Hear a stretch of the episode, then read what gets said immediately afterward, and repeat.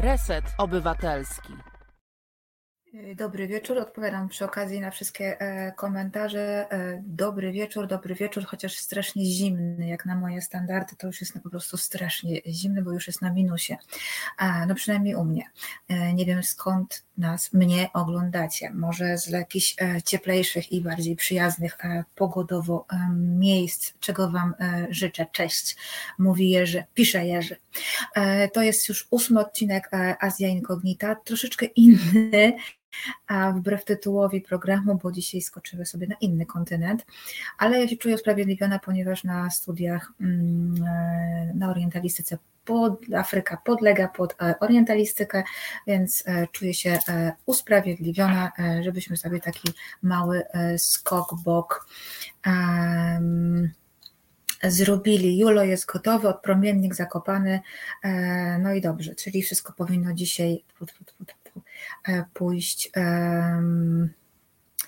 Dobrze. E, Kuba z zimnego Olsztyna. E, przykro mi, Kuba. No nie znam Olsztyna, więc nie wiem, czy to jest fajne miejsce do życia, ale skoro zimne, to już wystarczająco niefajne okoliczności. Dobra, słuchajcie, Afryka zaraz, do Afryki zaraz przejdziemy, ale najpierw szybki przegląd newsów z Azji. Mm, newsów, które niestety znowu zdominował wirus, a konkretnie koronawirus i tak naprawdę to jakikolwiek serwis jakiegokolwiek kraju byśmy nie weszli, to e, jest koronawirus i um, omikron. E, I na przykład e, zamyka się to Afryka istnieje, chyba wyłoniła się przy okazji pandemii dopiero, bo tak nie istnieje w mainstreamie. No niestety, właśnie niestety nie, nie istnieje, ona się wyłoniła w zeszłym tygodniu w zupełnie e, takich dosyć przykrych i śmiesznych, ale to jest taki śmiech przez łzy e, okolicznościach, o których zaraz e, powiem. E, a na razie szybki przegląd tych newsów, ponieważ covid wszyscy mamy dosyć, to tylko pierwszy mm, z nich będzie dotyczył, już nie mówiłam, nie chcę mówić o Korei, która miesiąc wytrzymała, wytrzymała w tej względnej wolności i nowej normalności, jak to pisały media z Seulu, e, i już znowu wprowadzają e, obostrzenia. E, Egipt bardzo mocno cierpi z powodu czwartej fali od 1 grudnia nie tylko urzędnicy nie przyjdą do pracy w tamtejszych urzędach, ale także petenci, czyli żaden e, niezaszczepiony przynajmniej jedną dawką Egipcjanin nie załatwi stacjonarnie sprawy w urzędzie. To ma być e, sposobem oczywiście na mm, zachęcenie do szczepień, które idą niestety bardzo wolno, e, ale też uchronienie się przed e, jeszcze gorszymi skutkami czwartej fali. Na razie nie jest dobrze. To jest ponad 908 przypadków średnio, 908 przypadków nowych przypadków zachorowań dziennie, a tymczasem zaszczepionych jest mm, zaledwie 15% społeczeństwa. E, I to, o ile dobrze pamiętam, chyba tylko jedną dawką. W każdym razie mm, e, szczepienia idą wolno. W tej chwili e, troszeczkę chcę że tak powiem, nadać rozpędu tej akcji rząd. Organizuje mobilne punkty szczepień, takie, które są zlokalizowane na stacjach metra w Kairze na przykład, w centrach handlowych, a w, do mniejszych miejscowości ruszają już naprawdę totalnie mobilne centra, mm, centra, takie znaczy punkty szczepień, które mają dotrzeć do tych miejscowości, w których metra nie ma. E, może jest jedna stacja kolejowa, a na pewno nie ma centrum e, handlowego. Do tej pory Egipt nie wykorzystał nawet 40% e, z posiadanych dawek szczepionek, a mają wszystkie szczepionki z tych głównych mm, dostępnych mm, na świecie także chińską, e, chińską i produkują e, własną. Zobaczymy, co z tego wyjdzie. Na razie nie no, dotarłam do e, żadnych większych informacji. W Indiach na razie sytuacja jest nie najgorsza, e, dlatego troszeczkę lżejszy temat. E, chciałam powiedzieć o Anandzie Prakaszu Choksi. E, to jest biznesmen, 50 chyba dwuletni, tak, dwuletni, biznesmen ze stanu Madhya Pradesh mm, w Indiach. Przepraszam, ale przeczytałam komentarz. No dobra. Który sprezentował swojej żonie coś naprawdę wyjątkowego sprezentował e, pomniejszoną wersję Taj Mahal, czyli wybudował dla niej dom, znaczy no nie własnoręcznie, wybudował dla niej e, replikę Taj Mahal ten Taj Mahal, który znajduje się w, w Agrze, w miejscowości e, Agra, która została wybudowana w XVII wieku przez e, cesarza mogolskiego Shah Jahana dla ukochanej, ale niestety nieżyjącej już żony Mumtaz Mahal. Mm, ona zmarła przez, przy porodzie 14 e, cesarskiego e, dziecka i mm, Shah Jahan wybudował dla niej Taj Mahal, który de facto jest mauzoleum. Także e, pomnikiem miłości, symbolem miłości, do którego ściągają pary z całego świata i zrobienie sobie zdjęcia, a już bożnie, zaręczyny przy Taj Mahal, to już jest w ogóle rewelacja. Y, to jest po prostu grobowiec. Tam e, spoczywa e, i e, żona cesarza Mumtaz Mahal i sam cesarz, no bo oczywiście musieli być, być razem. Dlaczego ja o tym mówię? Znaczy to jest w ogóle romantyczna historia, bardzo fajna. Mm, kto bogatemu zabroni? No oczywiście, że tak. Wydał na to, nie, jejku, nie pamiętam, ale no spore pieniądze. Mm, ma pieniądze, więc czemu nie? Ale to jest bardzo ciekawe, dlatego że to jest prezent nie tylko dla żony, bo przecież Shah Jahan e, to był cesarz z dynastii mogolskiej, muzułmanie, z dynastii muzułmańskiej. E, Taj Mahal jest więc symbolem e, Indii, ale symbolem muzułmańskim. I właściciel domu twierdzi, że to jest prezent dla jego ukochanej żony, ale także dla ludzi z jego miejscowości dla wszystkich ludzi. To jest symbol miłości do, jego, do żony, ale też do, do świata i do ludzi, bez względu na religię, bez względu na pochodzenie, czy kastowe. Um, i, i, pozycję społeczną związaną z kastą czy, czy, czy warną. Um, Anand Prakash Chokshi stwierdził, że w Indiach jest za dużo podziałów, za dużo nienawiści e, i on chce, żeby ludzie się kochali. No niestety e, ta miłość, z tą miłością jest ciężko w Mianmie, dawnej e, Birmie, na pewno wszyscy słyszeli, więc tutaj się nie będę jakoś bardzo zagłębiać e, w w sprawę Aung San Suu Kyi, czyli przywódczyni Narodowej Ligi na Rzecz Demokracji, w, która została skazana na 4 lata więzienia ale wyrok skrócono, e, przywódca hunty skrócił do dwóch lat. To jest wyrozumiały, wyrozumiały e, człowiek. Jeśli chcecie e, troszeczkę więcej o tym się dowiedzieć, to jest dzisiejszy tekst Krzyśka Gutowskiego, który, którego już dobrze znacie na Kulturazji. Ja powiem tylko, że um, Aung San Suu Kyi jest postacią dosyć kontrowersyjną, zwłaszcza dla mnie jako arabistki, ponieważ e, no, cieniem e, na jej nagrodzie pokojowej, nagrodzie Nobla i na tym wizerunku anioła i bojowniczki o demokrację i o prawa człowieka, no, leży kwestia prześladowań ludności muzułmańskiej Rohingya w, w Mianmie. E, także zapraszam na e, Kulturazję. Waldek domaga się e, przywitania indywidualnego. No dobra, Waldek, witam Cię serdecznie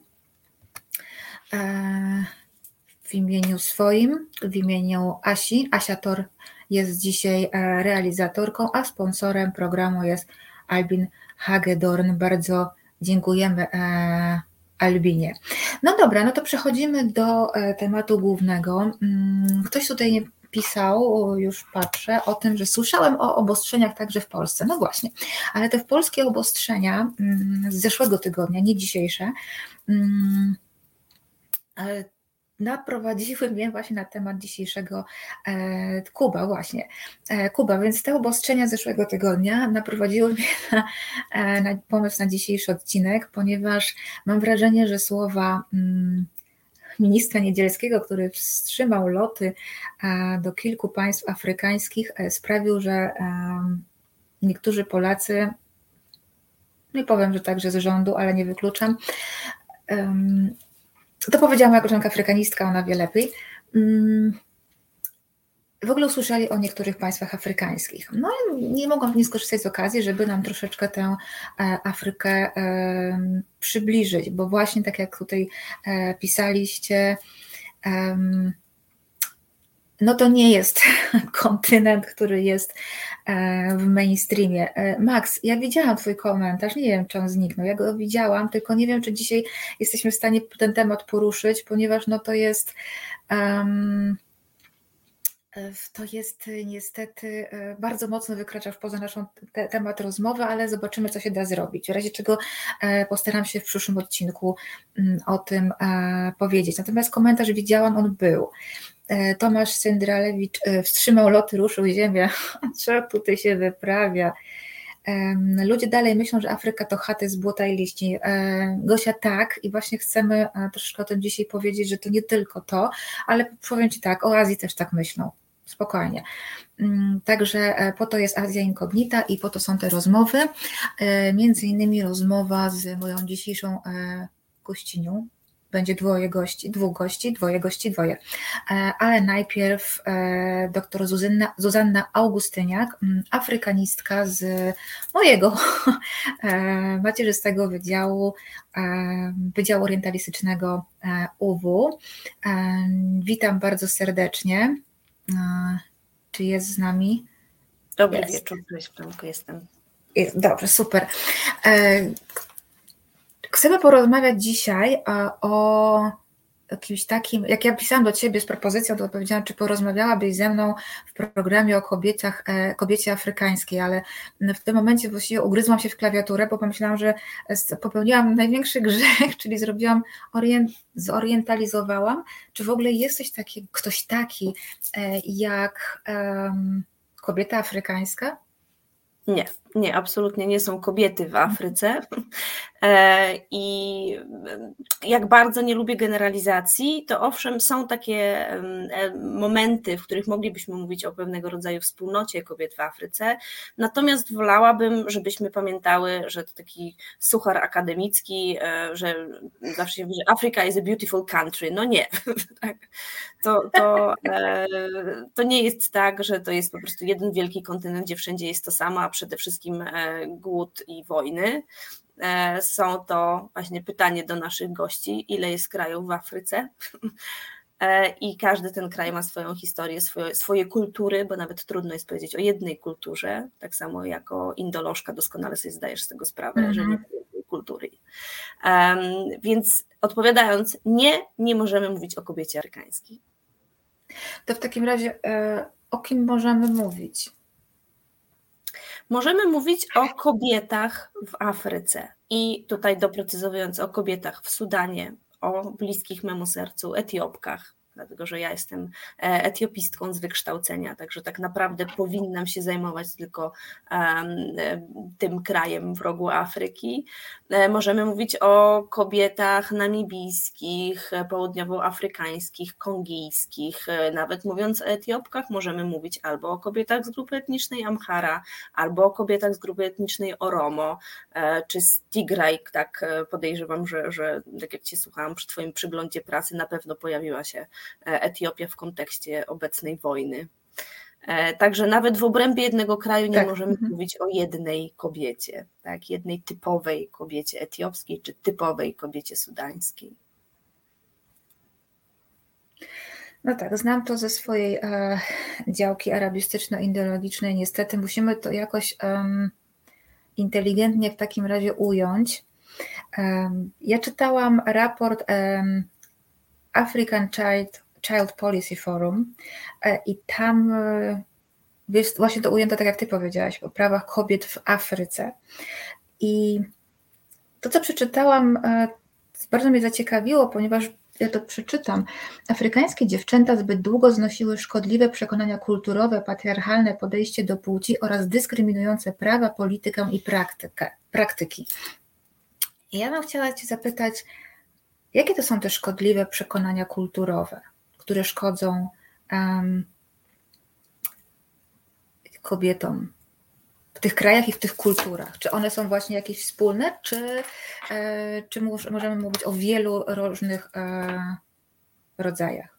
Tych, e, Przepraszam, musisz niestety powtórzyć pytanie, bo internet okay, jest bo widzę, widzę. No. Chciałabym Cię zapytać, jakie są te szkodliwe, przekonania kulturowe wobec kobiet w Afryce?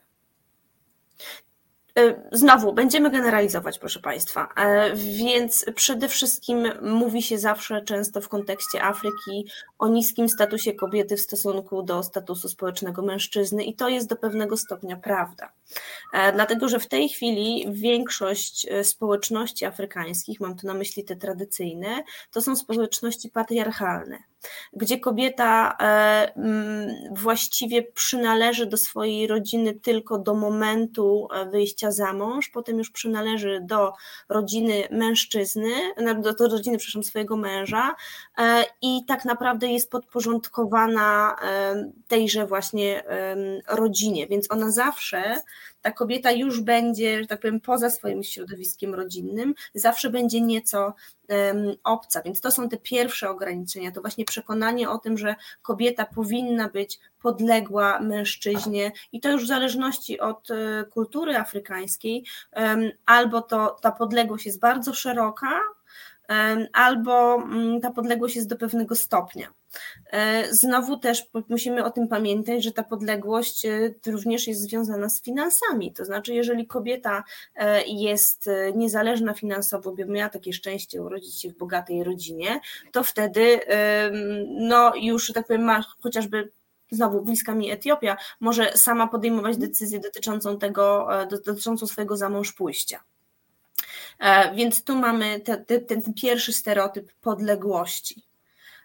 Drugi stereotyp, który się wiąże też z tą podległością, wynika e, też z tego podziału, jeszcze nadal e, obecnego w Afryce, tego właśnie podziału na publiczne, prywatne, to znaczy e, publicznie wypowiada się mężczyzna, wypowiada się w, w imieniu całej rodziny, natomiast kobieta powinna poświęcać się tej sferze prywatnej, czyli prowadzeniu domu, wychowaniu dzieci, utrzymywaniu poprawnych relacji Mm, z rodziną. Znowu chciałabym jeszcze też wrócić do tej, do tej sytuacji podległości, przynależności do, e, do rodziny męża. Z tym się wiąże również problem edukacji dziewcząt. To znaczy, e, brutalnie mówiąc, nie opłaca się edukować mhm. dziewczęta, których potem nie będzie korzyści, tak? bo nawet jeśli one zdobędą wykształcenie wyższe, wyższe niż umiejętność czytania i pisania, to jeśli podejmą pracę zarobkową, to znowu e, efekty tej pracy, tej zarobki pójdą do budżetu rodziny męża. Więc e, myślę, że to autorzy raportu mieli na myśli, pisząc o tych złych stereotypach krzywdzących w Indiach jest dokładnie e, to samo. Dziewczynki się nie opłaca kształcić, bo ona odchodzi i staje się e, częścią rodziny męża, w związku z czym to jest, to jest takie powiedzenie, że to jest e, jak podlewanie kwiatów w ogródku sąsiada, nieopłacalne totalnie. A powiedz mi proszę, mm, ta podległość wynika z prawa zwyczajow, praw zwyczajowych czy, czy, czy religii często przyniesionej przez no, albo kolonizatorów, albo przez inne ludy, tak jak islam na przykład? Jako antropolog odpowiedziałabym Ci, że to wynika z prawa zwyczajowego. Mm, z tego mm, i z mm, na przykład znowu będę się odnosić do Etiopii, no bo jest ona mi najbliższa, jest też mhm, sprawa zwyczajowego e, dotyczącego małżeństw, pisałam swoją pracę doktorską, e, więc znowu we wszystkich znanych mi e, prawach zwyczajowych etiopskich, dla tych z Państwa, którzy tego nie wiedzą, w Etiopii mamy około 80 grup etnicznych, ja przebadałam prawa zwyczajowe połowy z nich, jest powiedziane, że to, co pewnie Blanko, ty też znasz, jeśli chodzi o kulturę muzułmańską, że głos kobiety jest w połowie ważny, co głos mężczyzny. Mhm. I właśnie mm, kobieta nie może reprezentować siebie publicznie, E, i, i zawsze potrzebuje tego e, męskiego wsparcia, członka rodziny. Tak? W tym w amharskim kodeksie jest na przykład dokładnie e, określone, kto to może być, że to może być ojciec w przypadku brata, braku ojca, brat ojca, może być to też dziadek, nigdy to nie jest kobieta, która ma to prawo. Również prawo zwyczajowe mówi nam, w, znowu nie tylko w Etiopii, że dziewczęta mogą wstępować w związek małżeński w wieku to znowu się waha od 12 do 15 lat. Znaczy bardziej niż ten właściwy wiek istotny jest, kiedy dziewczyna przechodzi pierwszą menstruację.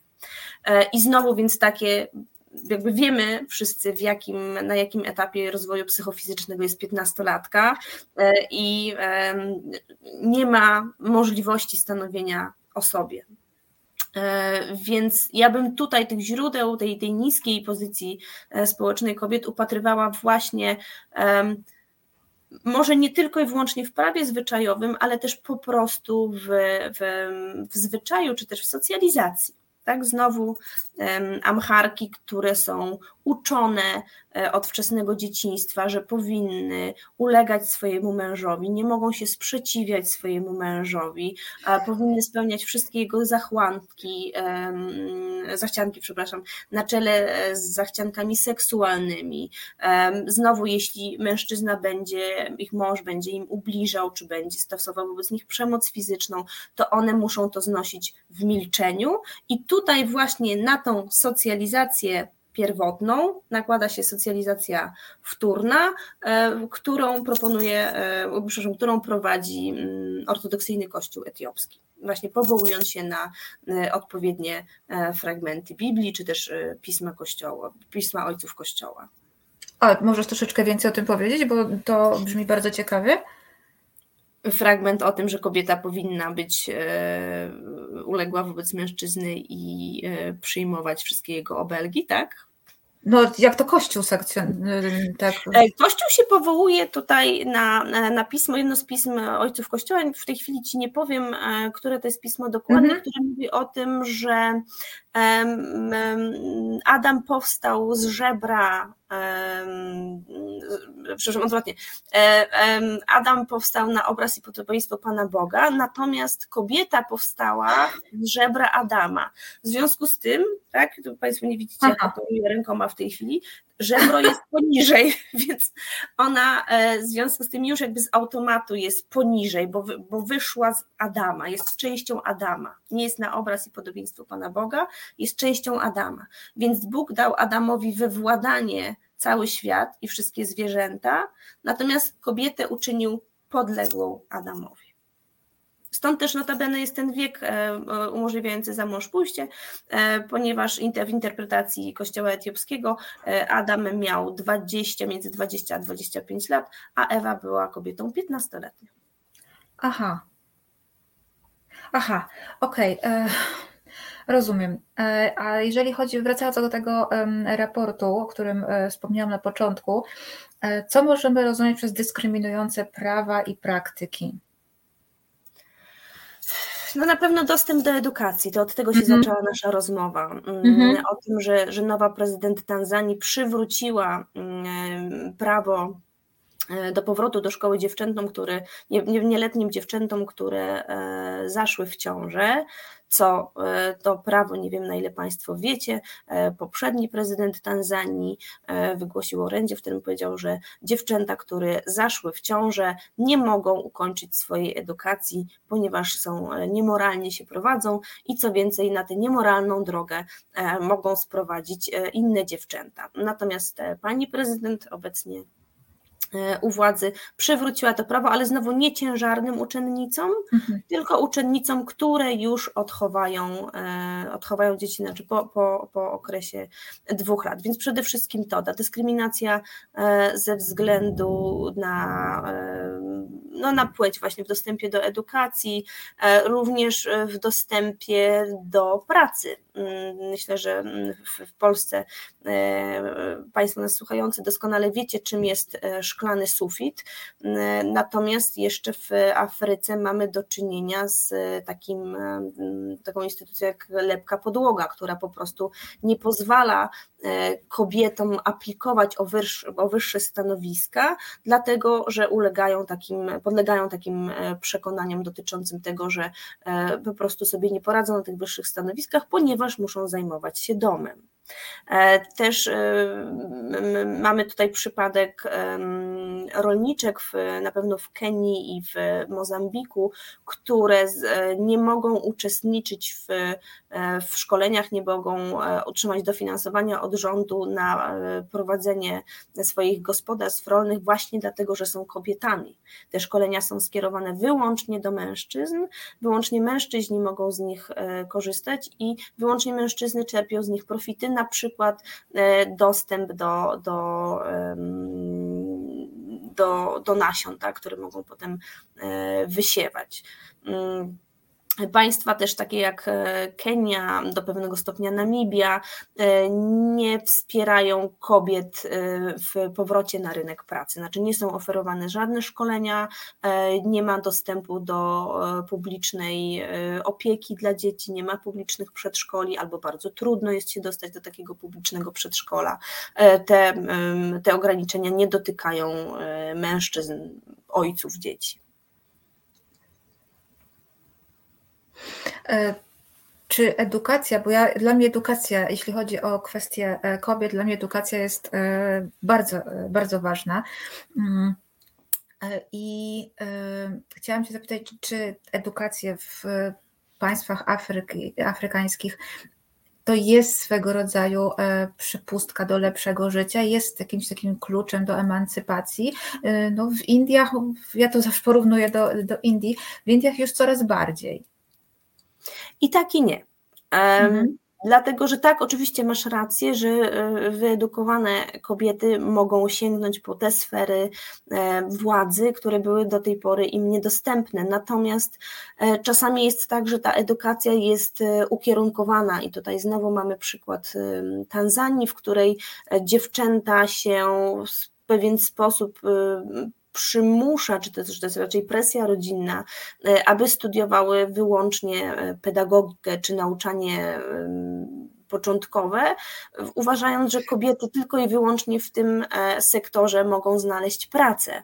Efekt jest taki, że po prostu mamy do czynienia z nasyceniem rynku dziewczęta kończą e, pedagogikę i nie mogą znaleźć pracy, ponieważ jest tak dużo nauczycieli, albo zostają oddelegowane, nie wiem, na drugi koniec kraju.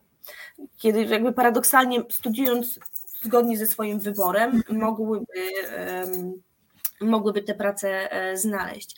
E, w Etiopii jest e, inaczej, to znaczy nadal mamy bardzo wysoki odsetek dziewcząt rezygnujących z, z edukacji na tym drugim stopniu, na stopniu, w stopniu szkoły średniej, Częściowo e, wynika to w, właśnie z tego, że dziewczęta muszą wracać, pomagać w domu, tak, zgodnie z tym stereotypem e, kobieta w sferze prywatnej. Też e, mamy duży odsetek dziewcząt, które rezygnują ze szkoły, ze szkół, bo zachodzą w ciąże, chciane bądź niechciane. Natomiast w Etiopii akurat kobiety są wspierane. Jest ileś organizacji, które wspiera kobiety w tym, żeby, żeby uzyskiwały dyplomy na uniwersytetach. Kobiety się organizują w takie stowarzyszenia e, wspomagające rozpoczęcie własnej, własnego, e, mm, własnej działalności na rynku. Więc tutaj Etiopia jest, e, ja zawsze mówię, że Etiopia jest inna w skali Afryki, bo tam się wszystko robi inaczej, ale no akurat właśnie znowu tutaj chciałabym podkreślić, że, że te ruchy mm, powiedziałabym emancypacyjne, żeby nie mówić feministyczne, są bardzo silne w Etiopii. Zaraz y, do emancypacji, do feminizmu, to ja jeszcze wrócę. E, natomiast teraz zrobimy sobie krótką przerwę na muzykę. Mm, nie mam pojęcia, co e, Asia nam e, dziś puści, ale Asia coś energicznego, bo jest zimno i okropnie potrzebujemy się chociaż muzyką troszeczkę rozgrzać. Wracamy za kilka minut, dwie, trzy. Do zobaczenia. Znudzeni mainstreamowymi newsami? Czas na reset obywatelski, zaangażowane dziennikarstwo. E, witamy po przerwie. Dzięki Asia, to było, e, to było naprawdę e, fajne. Ja bym chciała zapytać, odnieść się troszeczkę do słów myślicielki Gayatri Chakraborty Spiva, która ukuła takie powiedz, określenie kulturowej, symbolicznego obrzezania e, kobiet, czyli pozbawienie ich kompetencji kulturowych, między innymi e, no, z tego trzeciego świata, no nie lubię tego określenia, ale e, używam go tak jak Spiwak używała, czyli na przykład, że kobieta nie jest w stanie wyrażać siebie przez pewne sfery życia społecznego, między innymi przez kulturę, no tylko jest takim reproduktorem, czy E, kobiety w, e, w, kulturach afrykańskich mogą się wypowiadać właśnie przez e, kulturę, nie wiem, przez sztukę, przez literaturę? To zależy. To jest taka standardowa odpowiedź. Um, dlatego, Jak że są... orientalistyce. Tak, jak to na orientalistyce. Mhm. Dlatego, że są takie sfery kultury, w której e, kobiety przez wiele lat nie mogły się wypowiadać. To jest jakiś nowy proces. E, znowu mhm. wrócę do mojej ukochanej Etiopii.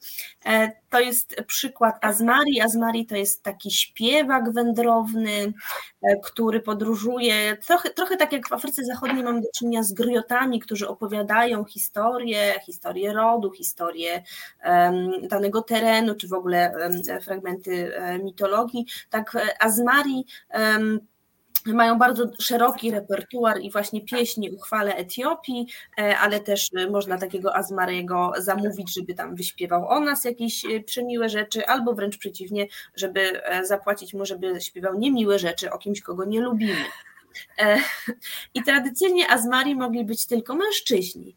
E, I dopiero od połowy XX wieku e, mamy do czynienia z kobietami azmari. Kobiety zostały wreszcie dopuszczone do tej formy ekspresji artystycznej. Natomiast w innych sferach, nie wiem, czy teatru, czy sztuk plastycznych, czy literatury, nigdy nie było takich ograniczeń. A. Mówię tutaj o Etiopii, tylko znowu Etiopia jest mhm. bardzo inna. Jest inna?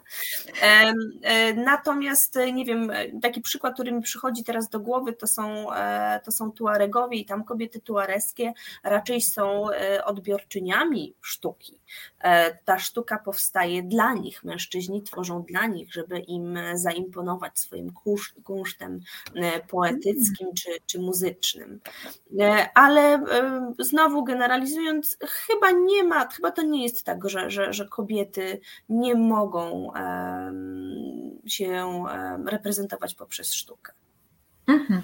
E, ale właśnie, powiedziałaś o tuareckich kobietach, a ja przecież e, nie, nie zadałam istotnego pytania. E, jak, może nie etniczne, pochodzenie etniczne, czy jest jakiś sposób, w jakiś sposób wpływa na to, jaką pozycję w społeczeństwie zajmuje kobieta? Tak, tak. Przywołałyśmy tutaj e, przykład kobiet tuareskich. Kobiety tuareskie na tle całego kontynentu afrykańskiego mają bardzo dużą e, władzę, mogą, dysponują olbrzymią niezależnością. E, to, to jest bardzo rzadki przypadek w tej chwili na kontynencie afrykańskim, żeby kobieta decydowała. Mówimy tutaj znowu, zaznaczę o tradycyjnych społecznościach, oczywiście w mhm. wielkich aglomeracjach to już zupełnie inaczej wygląda. Natomiast Tuaregowie raczej E, mieszkają poza tymi aglomeracjami. To jest e, lud o długiej tradycji koczowniczej, oni się najlepiej czują na pustyni, e, więc tam kobieta może sama decydować o swoim zamąż pójściu. Co więcej, może sama decydować o tym, z kim będzie nawiązywała relacje romantyczno-erotyczne, nawet będąc w tym związku małżeńskim. To ona decyduje o tym, na co są wydawane pieniądze, jak, jak się będzie, jakimi funduszami kto może dysponować i co będzie, ona jakby podejmuje decyzję w domu, ona jest głową rodziny, upraszczając. E, Ale to jest... Mhm. mhm. Mów, mów, mów, proszę. Nie, to jest dosyć rzadki przypadek tego, żeby, żeby kobieta decydowała w takim stopniu o tym, jak wygląda jej gospodarstwo domowe. A w takim razie, gdzie jest najtrudniej? Możemy taką zrobić taką gradację. Wiem, że to jest troszeczkę głupie pytanie, ale e, czy jest taki e, drugi biegun? Wydaje mi się, że nie. Nie chciałabym, um, mm -hmm, gdzie jest najgorzej, dlatego że mm -hmm. Wszędzie jest różnie. Wszystkie wiemy, że e, wszyscy, przepraszam, wszyscy wiemy, e, że nawet jeśli spojrzymy nie wiem, na, nasz, na nasz kraj, to zupełnie inne e, możliwości mamy my, ja i ty mieszkający w stolicy, a zupełnie inne, nie wiem, ktoś mieszkający nawet 100 kilometrów od Warszawy, więc nie chciałabym o tym mówić, kto ma najgorzej. E, tak, co to o tym pisano e, w tym raporcie, ale to już, e, już zostawmy. Ja na końcu będę mówiła o właśnie takiej sytuacji, to już mówię do, do naszych widzów, jak będę mówiła o dwóch książkach, ale to o, na koniec i tam właśnie jest pokazane jak różne, dobrze pokazane jak różne mm, możliwości mają kobiety w obrębie jednej kultury, jednego, jednego kraju. E, przed e, tą naszą przerwą muzyczną e, zaczęłyśmy. A nie, przepraszam, było tutaj pytanie. Jeszcze jest nowe. Marek pyta. Chciałbym spytać o tak zwane obrzydzanie kobiet. Mm, czy ten proceder udało się w jakimś stopniu ograniczyć? Nie, absolutnie nie. To znaczy, możemy mówić o jednostkowych przypadkach typu Ruanda, gdzie zostało to formalnie zabronione, natomiast e, znowu formalne zabronienie nie oznacza, że przestało to być praktykowane. I to jest, to jest dosyć spory problem, dlatego że znowu, wbrew powszechnej opinii, znowu nie wiem, Blanko, na ile ty już Państwu tutaj mówiłaś, że e, obrzezanie kobiet nie jest związane e, chociażby z islamem to są tradycje przedislamskie i no, bardzo jest trudno wyjść wyjść z tego, jakby bardzo jest trudno porzucić te tradycje, ale znowu musimy pamiętać, z czego, jak, co jest źródłem tej tradycji. Znowu bardzo bym chciała, żebyście um, Państwo nie potraktowali um, tego, co Wam powiem, jako moją osobistą opinię, dlatego że ja uważam, że to jest um, etycznie wątpliwe. Natomiast należy sobie zadać pytanie, z czego to wynika. I e, mhm. na, na przykładzie ludu Bakongo, kiedy um, dzieci wchodzą w okres dojrzewania i przechodzą te rytuały przejścia, czyli jakby przechodzą z tej um, z bycia bierną częścią społeczeństwa w bycie częścią aktywną, musi być e, dokonane obrzezanie kobiet i usunięcie napletka o chłopców, dlatego, że ten napletek symbolizuje tą, tą, tą część kobiecą, której należy się pozbyć, a tak samo obrzezanie u kobiet pozbawia je te, tego elementu męskiego, czyli dopiero mężczyzna nieposiadający, chłopiec nieposiadający napletka może być w pełni mężczyzną, natomiast dziewczyna, która przeszła um, obrzezanie może być w pełni kobietą. Tak? Także to jest mhm. bardzo, znowu ja się powtarzam, to jest bardzo skomplikowane. Tak? To nie jest po prostu okropna praktyka, której trzeba natychmiast um, zabronić i nieważne ile kampanii zachodniej, prowadzonych przez zachodnie organizacje, e, ile ich tych kampanii będzie e, w Afryce, dopóki nie zrozumiemy źródeł i powodów i, i nie zastanowimy się, jak to nas zastąpić, to, tak, to ten proceder będzie nadal funkcjonował. Ale właśnie, powiedziała, powiedziałaś bardzo e, istotną rzecz i, nie, i nie, niezależnie od tego, ile będzie kampanii na Zachodzie. No właśnie, e, czy całe dążenie do mm, zakazu obrzezania to jest, to jest właśnie przypadkiem, nie jest przypadkiem e, nasz zachodni, nasza zachodnia działalność, czy kobiety w Afrykach, w Afryce, przepraszam, w krajach afrykańskich też tego rzeczywiście chcą. Tak, tak, jest mhm. dużo jest ruchów oddolnych. Niestety są to, są to ruchy z bardzo małą siłą przebicia, które um, nie tyle myślą o tym, żeby zakazać tego procederu, ile zastąpić go czymś innym. Niech to będzie symboliczne, znaczy oczywiście nie symboliczne obrzezanie, albo, ale jakaś, nie wiem, symboliczna ceremonia, która by to mhm. zastąpiła.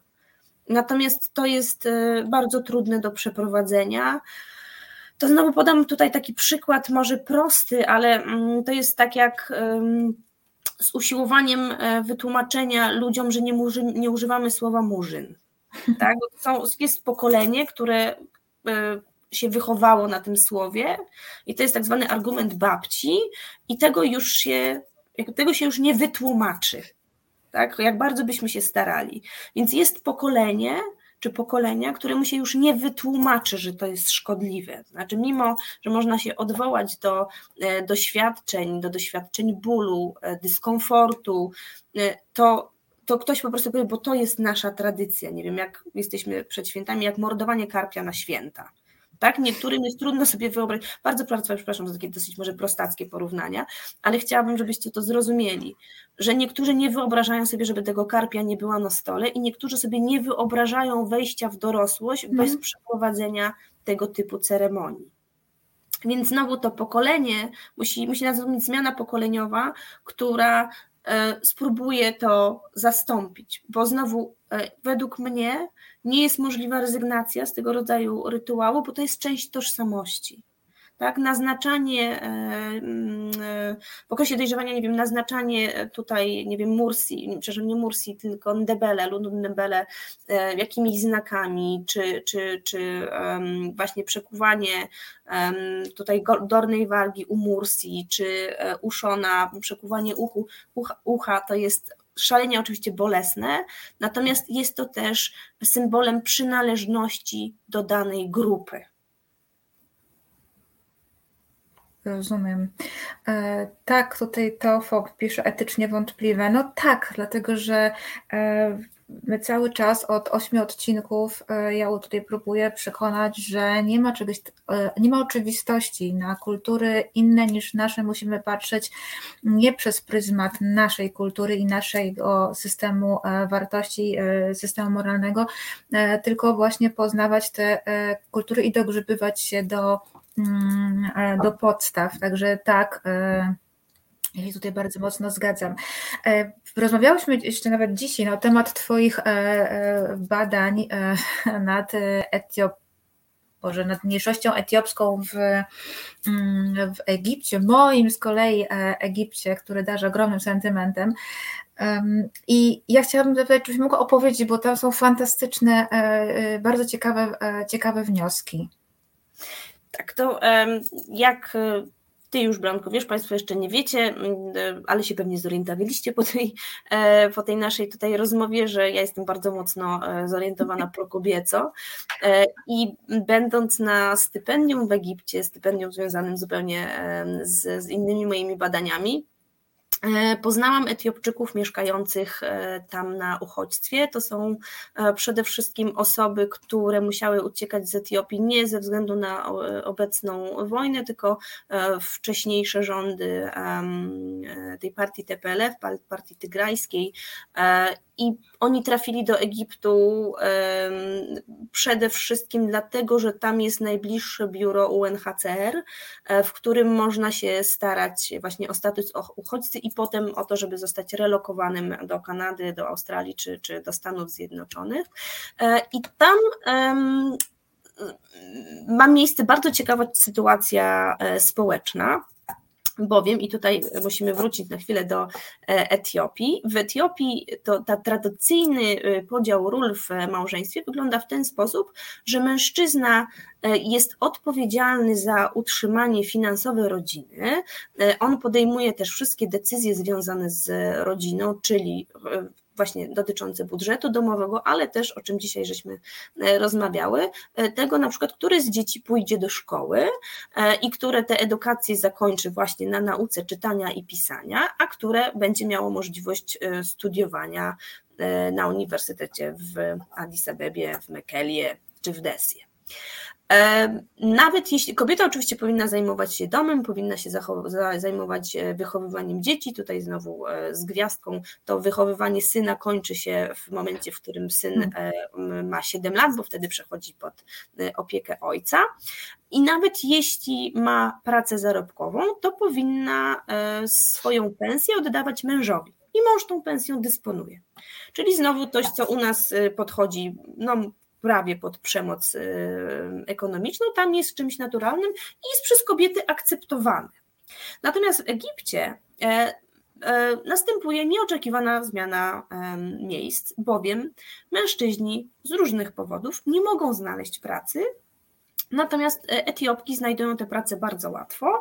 E, znajdują w sektorze usług, przede wszystkim pracując jako e, pomoce domowe, jako kucharki, jako opiekunki do dzieci, albo w domach egipskich, rzadziej w domach Europejczyków czy, czy nie Egipcjan, mówiąc ogólnie.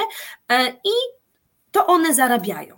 I moim pierwszym takim pytaniem badawczym było, czy w związku z tym te kobiety się emancypują? Czy one dochodzą do wniosku, że one właściwie nie muszą oddawać tych pieniędzy, przecież to one zarabiają i one mogą zarządzać.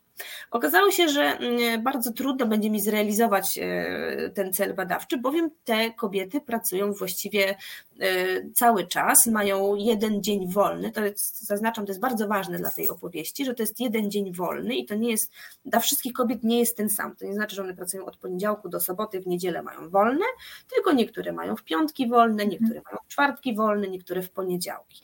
Więc właściwie nie bardzo ja mogłam z nimi rozmawiać, bo ich nie było, a jak miały ten jeden dzień wolny, no to ja się nie czułam odpowiednio komfortowo, żeby akurat w ten dzień wolny być. A teraz proszę mi opowiedzieć, jak pani jest trudno, jak to trudno jest być tutaj y, y, osobą przynoszącą pieniądze do domu. Natomiast y, zwrócono mi uwagę, że przecież panowie są tak, panowie właściwie są dostępni cały czas i panowie są e, chętni do rozmowy, są głodni tej rozmowy ze mną. E, I ja pomyślałam sobie właściwie, no to strasznie mi żal tych mężczyzn, takich, którzy są, e, my tu mówimy w, w, w Polsce, w Europie bardzo dużo mówimy o kryzysie męskości. Ja nie lubię tego terminu, uważam, że to jest raczej transformacja jakiegoś rodzaju, ale sobie myślę, no właśnie, czy to nie jest, czy oni nie przeżywają tego kryzysu? I nagle się okazało, że to nie tyle jest kryzys, ale jakiś problem do rozwiązania. Dlatego, że właśnie e, ci panowie Etiopczycy to są przede wszystkim, może jeszcze powinnam doprecyzować, że to nie są Etiopczycy w ogóle wszyscy, wszyscy, tylko ja się skupiłam na Amharach. E, to jest ta grupa etniczna, która przez wiele lat e, dominowała w Etiopii. To są w 95% chrześcijanie. E, I rozmawiając z tymi mężczyznami, zaczęłam ich pytać o to, jak oni się czują w tej sytuacji, kiedy to im się wydziela pieniądze i to oni właściwie e, muszą się zająć całym domem. Więc panowie sobie e, nie radzą najlepiej, dlatego że znowu są ofiarami tego systemu społecznego, tego wychowania, które zakazuje im wykonywania prac domowych. To znowu nie jest tak, że oni po prostu w, w, Etiopii nie chcą się tym zajmować. Im się nie pozwala tym zajmować. Kobiety na przykład wyganiają mhm. swoich synów z kuchni, nie pozwalają im uczestniczyć w gotowaniu, mówiąc o tym, że to jest zajęcie kobiece. W związku z tym mamy do czynienia z dorosłymi mężczyznami, którzy nie potrafią o siebie zadbać, nie mówiąc już o, o zadbaniu o rodzinę. Tutaj nie wiem, nie mam dostępu do czatu, nie wiem, czy się pojawiło takie pytanie, co się dzieje z mężczyznami, jak wychodzą z domu rodzinnego i mieszkają sami. No więc panowie sobie zazwyczaj zatrudniają kogoś do pomocy. Więc to, że ci panowie, Etiopczycy na emigracji nie potrafią niczego zrobić ani w domu, ani z dziećmi, nie wynika z tego, nie do końca wynika z tego, że oni nie chcą, tylko że po prostu nie potrafią. E, I teraz jest pytanie, jak, jaką strategię, jakie strategie, bo to było dla mnie bardzo ciekawe, jakie strategie mężczyźni przyjmują. No więc mhm. strategii jest odgrywanie, jak ja to mówię, odgrywanie męskości. Czyli nadal mężczyźni udają, że to oni zarządzają domem, i to oni trzymają e, pieniądze, podczas gdy te pieniądze są im wydzielane przez kobiety. Zresztą na tym tle jest bardzo dużo E, awantur domowych, wynikających z tego, że, że kobieta mówi właśnie, ja ci tutaj dałam tyle pieniędzy, a ty już po tygodniu przychodzisz i prosisz o więcej, gdzie są te pieniądze, co z nimi zrobiłeś. E, drugą strategią e, jest jakaś próba takiego zaakceptowania tego stanu rzeczy i znalezienia się właśnie w tej sytuacji migracyjnej, czyli upraszczając, zajmowanie się, na, nauka gotowania. Ale znowu to jest tylko do pewnego stopnia. To znaczy, panowie na pewno nie poproszą swoich partnerek o to, żeby im pokazały, jak się gotuje to czy tamto. Oni sami do tego dojdą, znajdą te przepisy w internecie. Czyli oni cały czas starają się pokazać, że oni sami, oni tam potrafią o siebie sami zadbać jednak. Czyli cały czas mamy ten podział męskie-żeńskie. Trzecią strategią, i tutaj wracam do, do e, tego wątku, o którym mówiłam, tych, tych dni wolnych, jest to, że panowie sobie znajdują e, partnerki. Specjalnie użyłam liczby mnogiej, to nie jest jedna partnerka, tylko to są partnerki, brzydko mówiąc, na każdy dzień tygodnia. E, czyli mamy i, i które partnerki, które zapewniają panom wikt i opierunek. Czyli nie wiem, od, od poniedziałku do czwartku jestem z panią A, bo ona jest w pracy i ja mieszkam u niej i mam, ona mi tam przygotowała jedzenie i wszystko mi uprawiła i uprasowała. Potem pani wraca w piątek, a ja się przenoszę do pani B, która od piąt, pracuje od piątku do niedzieli i ma poniedziałek wolny. I tak panowie sobie też funkcjonują na, na, na, na tym uchodźstwie. E, znowu to też nie jest, ja to tak bardzo Państwu prosto opowiadam, ale to znowu wszystko nie jest takie proste, dlatego że zarówno kobiety, jak i tak, widzę od razu odpowiem na pytanie, tak, znajdują sobie partnerów, natomiast mam wrażenie, e, nie, nie partnerów, partnera partnera. Nie znam jeszcze przypadku, ja jestem średnio zaawansowana w tych swoich badaniach i jeszcze nie dotarłam do takiej rozmówczyni, która byłaby świadoma, byłaby świadoma tego procederu i w nim uczestniczyła. Raczej są to kobiety, które nie są świadome procederu, mają jednego partnera, e, najczęściej męża, bo bardzo szybko e, Etiopczycy e, na emigracji wchodzą w związki małżeńskie, albo mam takie rozmówczynie, które świadomie nie wchodzą w żadne relacje romantyczne czy romantyczno-erotyczne, właśnie z tego względu, e, że mają świadomość tego procederu, e, no poligamii moglibyśmy nawet e, użyć tego terminu. Mm, natomiast chciałam wrócić do tego, że, że wszystkie te strony tej, tej, tej całej sytuacji właściwie są ofiarami takiego mechanizmu kontroli społecznej, który w języku -hmm nazywa się Jilenta.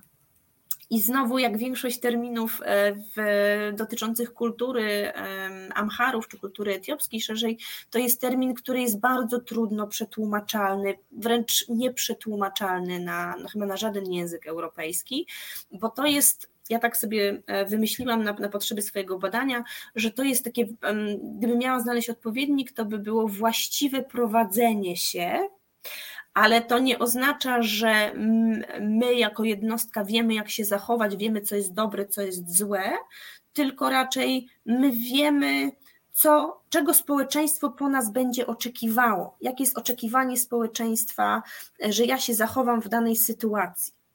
Znowu prosty przykład niezwiązany z moimi badaniami.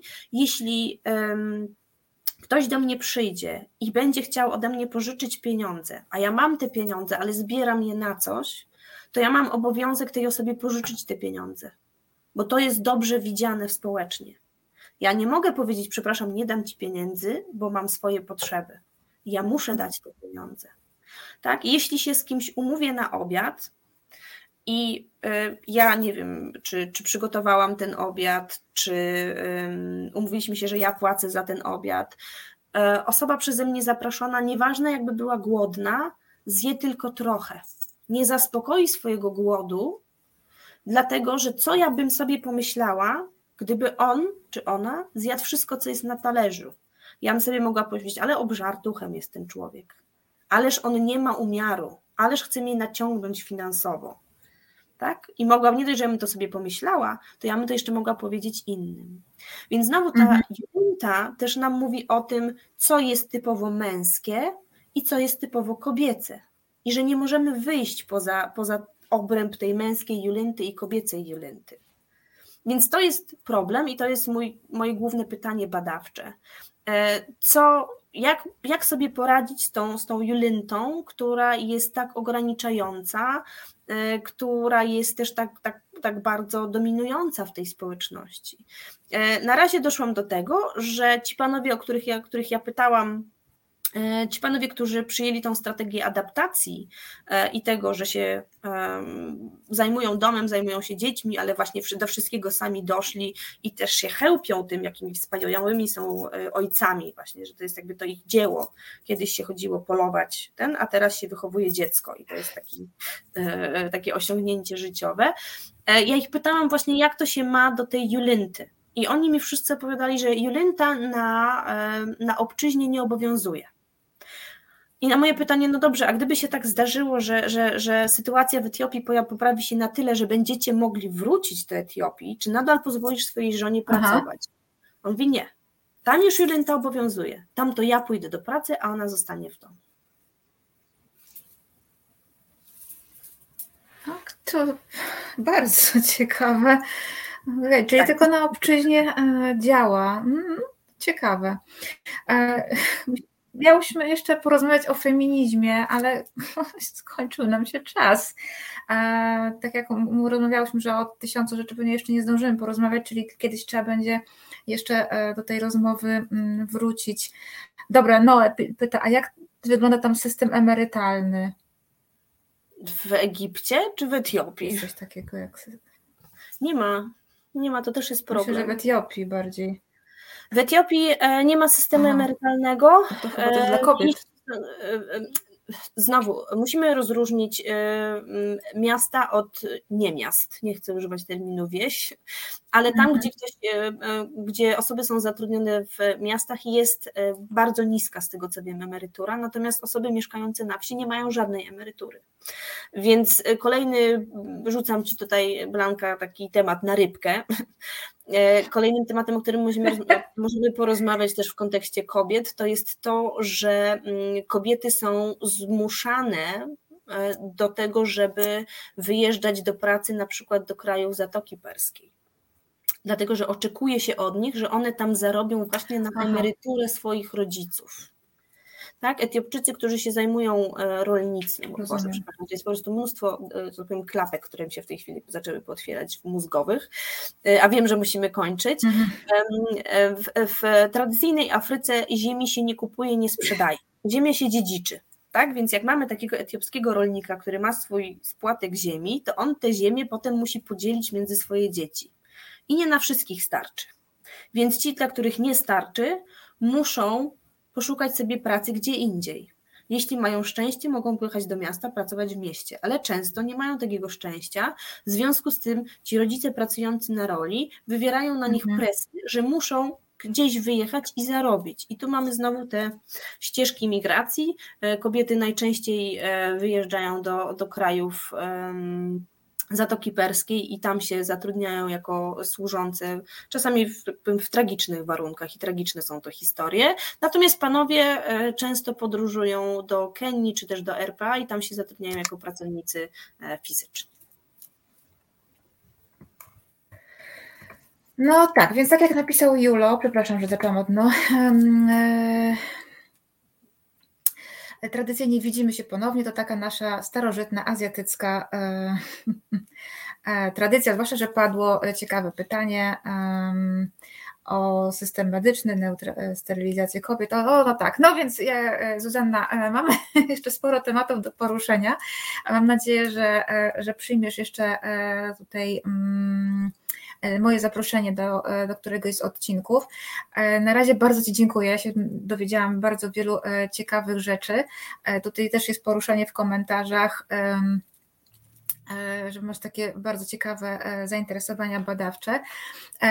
Bardzo dziękuję za dzisiaj. No i jak zwykle proszę o jeszcze. Bardzo chętnie. Dzięki. Dziękuję bardzo, do zobaczenia, a my widzimy się po przerwie i też wrócimy e, do Afryki, tylko już do inny temat, bo zajmiemy się kinem.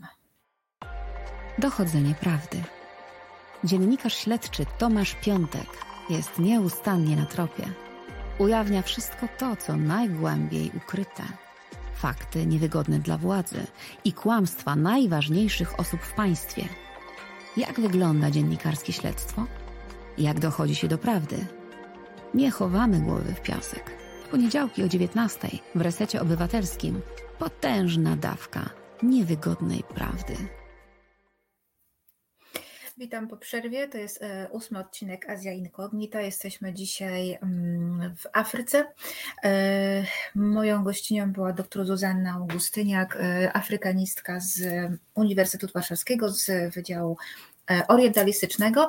Teraz zmieniamy temat, chociaż pewnie kobiety się jeszcze tutaj pojawią. Moim gościem jest Przemek Stępień, dyrektor artystyczny festiwalu Afry Kamera.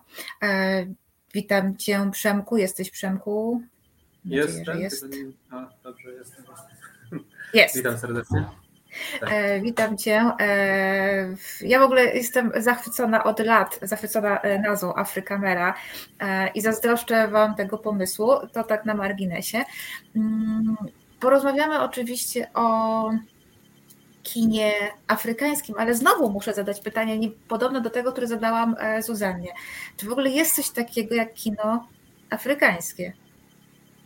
Znaczy, w takim sensie, że jest cały kontynent, który produkuje filmy, to tak, ale żeby było jedno jakieś jednolite kino, to no nie można tego tak powiedzieć. Tym bardziej, że też jeszcze większa komplikacja jest taka, że kinematografia ogólnie światowa się e, internacjonalizuje, robi się e, nawet już ciężko czasami mówić, czy to jest film stricte afrykański, e, czy on jest jeszcze jakimś takim jednak e, częścią globalnego e, globalnej wymiany myśli. I chociażby w tym roku mamy na przykład cztery filmy afroamerykańskie, które są w dużej mierze robione przez imigrantów afrykańskich do, do Stanów Zjednoczonych. E, taka mhm. mała różnica w porównaniu, bo to nie są potomkowie niewolników, tylko to właśnie to jest taki nowy narybek imigrantów już stricte z Afryki i tam jest między innymi e, Mariwe Gerima, który jest synem e, Haile Gerimy, a Haile Gerima, tak nawiązując do poprzedniej rozmowy, to jest wielki reżyser etiopski, sławny reżyser etiopski, E, który się przeniósł i mieszka w Nowym Jorku. Jego syn się urodził już e, w Stanach Zjednoczonych, więc jest, e, no, już jest tym afroamerykaninem z Nowego Narybku i pokazujemy jego debiut reżyserski Resztki, który jest, no właśnie, jest na wskroś amerykański, ale zarazem widać duże wpływy jego ojca w jego kinie. No i w tym momencie właśnie, no, gdzie zaczyna się kino afrykańskie, gdzie się zaczyna afroamerykańskie, E, no i te, te takie różne nitki są, są różne, chociażby też na, na otwarciu mamy film Amira mm. Mohameda Diaba. Właśnie. E, I to jest, to jest trochę ciekawe w takim sensie, że no pokazujemy na otwarcie film egipski, aczkolwiek w ogóle nie opowiadający o Afryce, tylko opowiadający o Palestynie. To, to, to mnie zaskoczyło, tak. No, też, też, też tak trochę się zastanawialiśmy, czy, czy, czy należy tak robić, ale jednak stwierdziliśmy, no chociażby z tego punktu widzenia, że Palestyna tak mocno wpływa e, na cały świat arabski, na to jak mhm. E, na całą politykę tego regionu, e, jest tak też integralną częścią świadomości całego regionu, że poniekąd naturalny jest, że Egipcjanie też robią filmy o Palestynie i też bardzo się i ten konflikt interesuje. E, tutaj e, padło pytanie, czy właściwie takie stwierdzenie. E, Marek Jurkiewicz pisze: Mnie się kino afrykańskie kojarzy z filmami akcji z Ugandy. Słusznie się kojarzy? Myślę, że bardzo słusznie się kojarzy, a ja tutaj też ciekawy, no, no, ciekawy taki no, zmianka z, takim, z tego względu, że mamy dokument o tym kinie ugandyjskim w tym, tym tegorocznym festiwalu. Tak. Pewnego razu w Ugandzie się nazywa. E, I to jest dokument, który śledzi właśnie ten, to kino ugandyjskie, które, które się nazywa Wokaliwood. E, te filmy można zresztą zobaczyć w, e, w sieci. Trzeba sobie wpisać reżysera EJ Nabłana. Nie wiem, chyba nie mogę jakoś tutaj tego napisać, mogę ewentualnie tam na komunikatorze z prawej. I to jest reżyser, który nie miał żadnych pieniędzy, nie miał żadnych, żadnego wykształcenia filmowego, ale był taką, takim pasjonatem kina i to przede wszystkim właśnie kina akcji. On się wychował na Chucku Norrisie, na Arnoldzie Schwarzeneggerze, mm. na Bercie Reynoldsie e, i tak bardzo chciał robić kino sensacyjne, nie mając żadnych pieniędzy. że po prostu to zrobił i, no i stał się tak naprawdę gwiazdą światową, tak? Te filmy są niesamowite, są niezwykłe, można sobie zobaczyć je w sieci, tam jest Who Killed Captain Alex na przykład, jeden z bardziej znanych, czy Bad Black i to jest, jak ktoś zobaczy naprawdę, to poszukać sobie w internecie, zobaczyć i też można sobie zobaczyć ten dokument, który pokazujemy w tym roku właśnie o tym kinie sensacyjnym z Ugandy.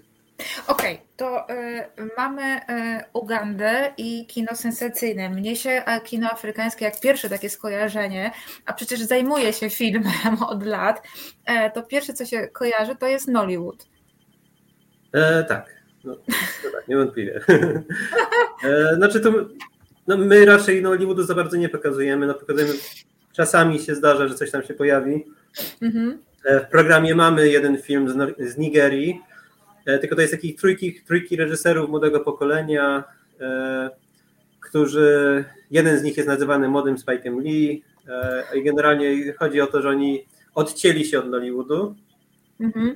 i stworzyli swój manifest, taki trochę inspirowany Von Trierem i jego dogmą i oni chcą tworzyć nowy język kina nigeryjskiego, który nie jest właśnie tak mainstreamowo E, budowany tak jak e, właśnie Nollywood jest zrobiony według takiego jednak, jednak klucza, e, tylko szuka nowego sposobu opowiadania w kinie nollywoodzkim, nigeryjskim, który wykracza poza schematy, a jednocześnie korzysta z bogactwa kulturowego Nigerii. I mamy ten właśnie zestaw trzech, trzech krótkich horrorów, można by powiedzieć, o nazwie opowieści Juju. Czyli to jest o, takie trzy, trzy krótkie historyjki o, o różnych juju. E, no i myślę, że warto też zobaczyć właśnie jak, jak tutaj próbują trochę zmieniać ten, ten obraz kina nollywoodzkiego, bo jednak myślę, że kino nollywoodzkie ma już pewne skojarzenia u wielu osób. E, chociażby dlatego, że te filmy są chociażby na Netflixie dostępne w tej chwili, więc już jest dosyć szeroki dostęp. A gdybyś mógł scharakteryzować tak krótko dla tych widzów, którzy e, nie słyszeli nigdy pojęcia Nollywood, e, czym się to kino e, charakteryzuje i właśnie to nowe kino tych, jak to powiedziałeś, fajnych młodych frików, czym się różni od tego mainstreamu?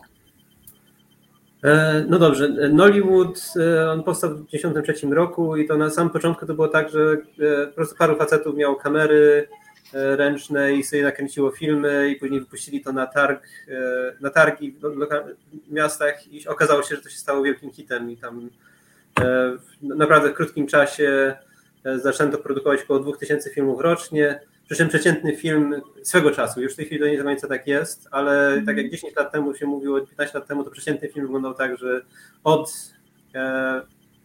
rozpoczęcia pisania scenariusza do wypuszczenia filmu na rynek, na targ, mijało około 3 tygodni. Więc to były, tak, tak, były takie cykle produkcyjne. E, I, no i żeby zarobić, to trzeba było bardzo szybki obrót tego wszystkiego robić, dlatego tyle filmów powstawało. E, I były cały, był taki cały targ e, w Lagos, który był poświęcony właśnie handlowi tych płyt.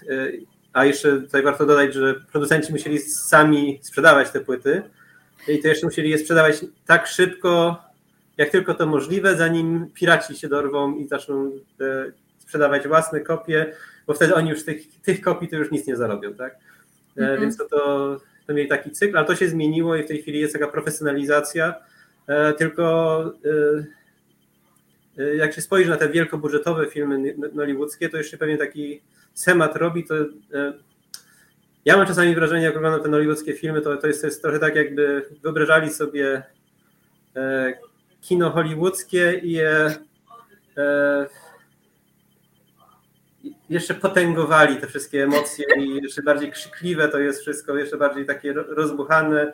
E, to, jest bardzo, bardzo dużo emocji, bardzo dużo gestykulacji.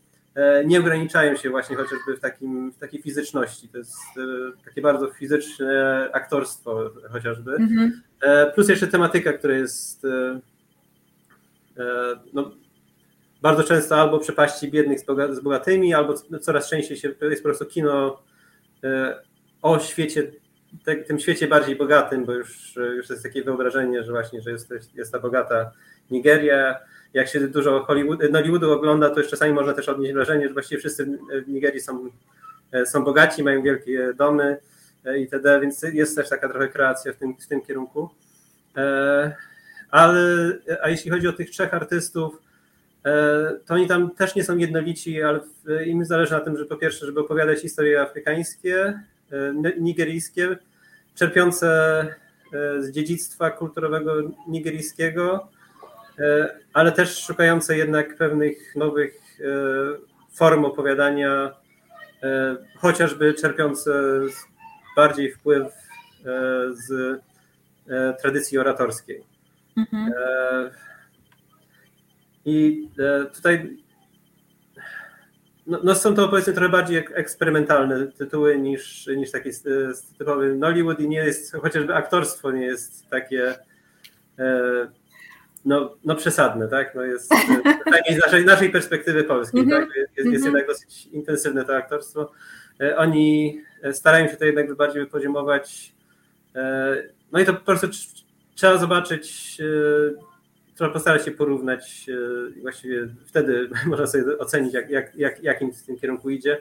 E, oni też mieli zresztą bardzo ciekawe filmy, e, w szczególności taki reżyser A.B. E, Makama i on, on tam bardzo mocno stara się mówić o dziedzictwie kulturowym Nigerii i, i bardzo lubuje się odnosić do różnych E, starych bóstw i wprowadzać mhm. je do narracji swojej. E, I to też to trochę, trochę to tutaj też w tym filmie widać, który on, on akurat nakręcił. Mhm. E, zaraz jeszcze do tej głębszej Afryki wrócimy, tej, tej, tych krajów położonych poniżej tych, którymi ja się zajmuję, bo, bo zaczynacie od kina egipskiego. E, kino e, egipskie, Kair to jest troszeczkę taki Los Angeles i Hollywood e, dla, dla Bliskiego Wschodu. Zresztą dlatego w wielu krajach arabskich można się porozumieć w dialekcie egipskim, bo jest znane właśnie z filmów i z seriali, nawet tych seriali ramadanowych. Ale tak, mało, mało, kto wie, że to jest najsilniejsza kinematografia tego regionu, tak? No właśnie. No właśnie. właśnie. właśnie Egipt jest najsilniejszy i znają mm -hmm. gwiazdy egipskie są znane w całym regionie, także na Bliskim Wschodzie e, po stronie azjatyckim, jak już jesteśmy tutaj w programie azjatyckim. No tak, e, tak. Ale właśnie, czy to też jest e, ośrodek kinematograficzny, który oddziałuje na e, tę niearabską część Afryki? E, myślę, że tutaj akurat takiego wpływu bardzo silnego mm -hmm. nie ma. To jest trochę jednak odcięte.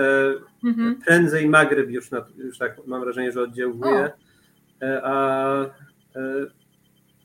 z różnych względów Egipt jednak jest taki trochę bardziej ograniczony jednak z wpływami do, do Bliskiego Wschodu i nawet często jak się festiwale różne filmowe ogląda, które tam są, to oni też sami się zresztą trochę ograniczają i raczej pokazują nie z Afryki subsaharyjskiej kino, tylko raczej pokazują właśnie z Tunezji, z Maroka, Aha. E, czy z Arabii Saudyjskiej, e, z Jordanii, z Palestyny. E, czyli też sami się trochę jakby odcinają i jest takie trochę jednak odcięcie, więc no a z drugiej strony Magreb jest jakby, mam wrażenie, trochę jakby bliżej jednak kulturowo do tej Afryki mm -hmm subsaharyjskiej. Te więzi są dużo bardziej płynne i chociażby dlatego mam wrażenie, że tutaj jednak to, to przenikanie się wzajemne jest, jest silniejsze. A Egipt e, trochę z powodu położenia geograficznego, może też z powodu potęgi kina, no on tak, tak szeroko nie, nie współpracuje i tak szeroko nie oddziałuje. E, a sam kino egipskie no też trochę się mocno zmieniło tak od, od czasów arabskiej wiosny i E, dużo nazwisk się pojawiło i dużo mhm. nowych reżyserów i trochę nowych głosów. E, I to też jest też całkowicie inne kino niż to, które było przed arabską wiosną. E, to też jest zresztą ciekawy wątek na, na całej Afryce Północnej, że akurat w kulturze, w dziedzinie kultury naprawdę widać przemiany w kinematografii, to jak opowiada się, tematy, które są poruszane, to jest dużo odważniejsze kino niż było wcześniej. Tak, to tutaj całą moją arabistyczną e, wiedzą e, e, potwierdzam. Kino egipskie się, w ogóle kino północnej Afryki się bardzo mocno zmieniło. No a Egipt to już nie jest tylko Yusuf Shehin, tylko tam się pojawiło całkiem sporo młodych fajnych artystów. Jak wygląda kino w RPA? Jest euroafrykańskie i afrykoafrykańskie, czy coś pośrodku? Tam jest cały miks, tam jest naprawdę cały miks. To jest totalny miks. To jest jeszcze tak szeroki miks, że jak się tam patrzy na to, co powstaje, to z jednej strony mamy kino, które jest mocno inspirowane Europą, kino mocno inspirowane Stanami Zjednoczonymi, e, kino inspirowane Nollywoodem, e, ale też powstaje na przykład, to jest bardzo duża mniejszość e, hinduska, więc też jest kino inspirowane Bollywoodem. I to wszystko tak w jednym kraju i taki tygiel jeszcze się robi, czasami te filmy jeszcze się mieszają ze sobą, jeśli chodzi o, o to, co jest realizowane. No ale to jest e, też kino e, technicznie e, już od lat takie najmocniejsze, mhm. bo tam są też ośrodki filmowe, chociażby, no jest sporo takich na przykład tytułów, których pewnie nawet ludzie nie wiedzieli, że były realizowane tam na miejscu z wysokimi, dużymi efektami specjalnymi, bo tam są po prostu ku temu warunki zostały stworzone. No więc te zaplecze techniczne mają bardzo dobre i te najlepsze filmy z RPA, no to to jest też klasa zawsze była klasa światowa, bo w tej chwili reszta Afryki, mam wrażenie, szybko dogania w tym, pod tym względem. E, no w tym roku mam akurat ZRPA, to mamy dwa tytuły, e, akurat oba dramaty historyczne. Mhm. Mhm. E, ja mam, dobrze. Nie myślałem, że możemy powiedzieć o tych dwóch dramatach. No proszę. Dobrze, dobrze. Znaczy jeden e, też jest o tyle ciekawy, że oba filmy dotyczą białej Afryki, E, białego RPA. Przy czym jeden jest realizowany przez e, reżysera kolorowego, dosyć znanego Olivera Heramanusa i dotyczy gejów e, w armii południoafrykańskiej za czasów apartheidu na początku lat 80. To jest taki znany arthouse'owy reżyser i nie, pierwszy raz zresztą dotyka kwestii gejów, homoseksualizmu w kulturze afrykanerskiej. E, to mhm. jest też taki bardzo mocny film, zapada na pewno w pamięć. E, film sprzed dwóch lat akurat z Wenecji. E, w zeszłym roku chcieliśmy go pokazać, ale przenieśliśmy go na ten rok, bo niestety pandemia nas wykosiła. No tak. A Mofi, ten, ten film właśnie Olivera Harmanusa, to jest takie bardzo ciekawe studium, bo on tworzy, pokazuje taki kokon białości, męskości i to wszystko się tam razem tłucze. Właściwie nie widać e, praktycznie tej czarnej Afryki, e, która gdzieś tam jest na uboczu i ci ludzie, e, ta biała, męska rzesza młodych chłopców praktycznie nie ma ani kontaktu z czarnymi, mhm. czyli są większością, która jest na kontynencie, ani z taką liberalną myślą. I to wszystko się tam kotłuje w bardzo niezwykłym filmie, który na pewno bardzo gorąco polecam jeśli ktoś e, ma ochotę się wybrać do kina.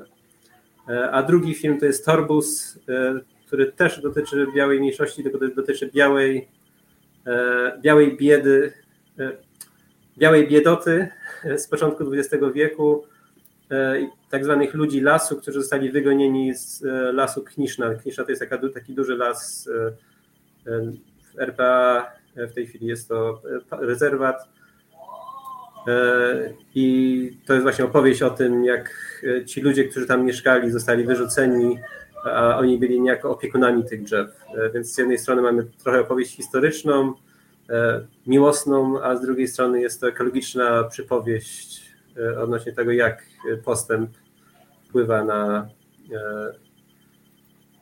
No, jakie negatywne aspekty są po prostu postępu. No i to jest to te dwa filmy mamy akurat z. Mhm. Jak te filmy, już pomijam kinematografię Magrebu i, e, i egipską, e, no bo to są już coraz silniejsze ośrodki, natomiast jak te filmy z Afryki subsaharyjskiej e, na przykład przebijają się na zachód, czy to jednak jest ciągle rynek lokalny i trzeba takich szalonych ludzi, pozytywnie szalonych ludzi jak, Afryk, jak twórcy Afrykamera, żeby pokazać zachodowi te filmy? E, znaczy, w tej chwili to już się mocno zmieniło w takim sensie, że e, tak jak jeszcze 10-15 lat temu zaczynałem festiwal, to mało było takich tytułów, które były, e, mogę powiedzieć, no na, na standardzie światowym.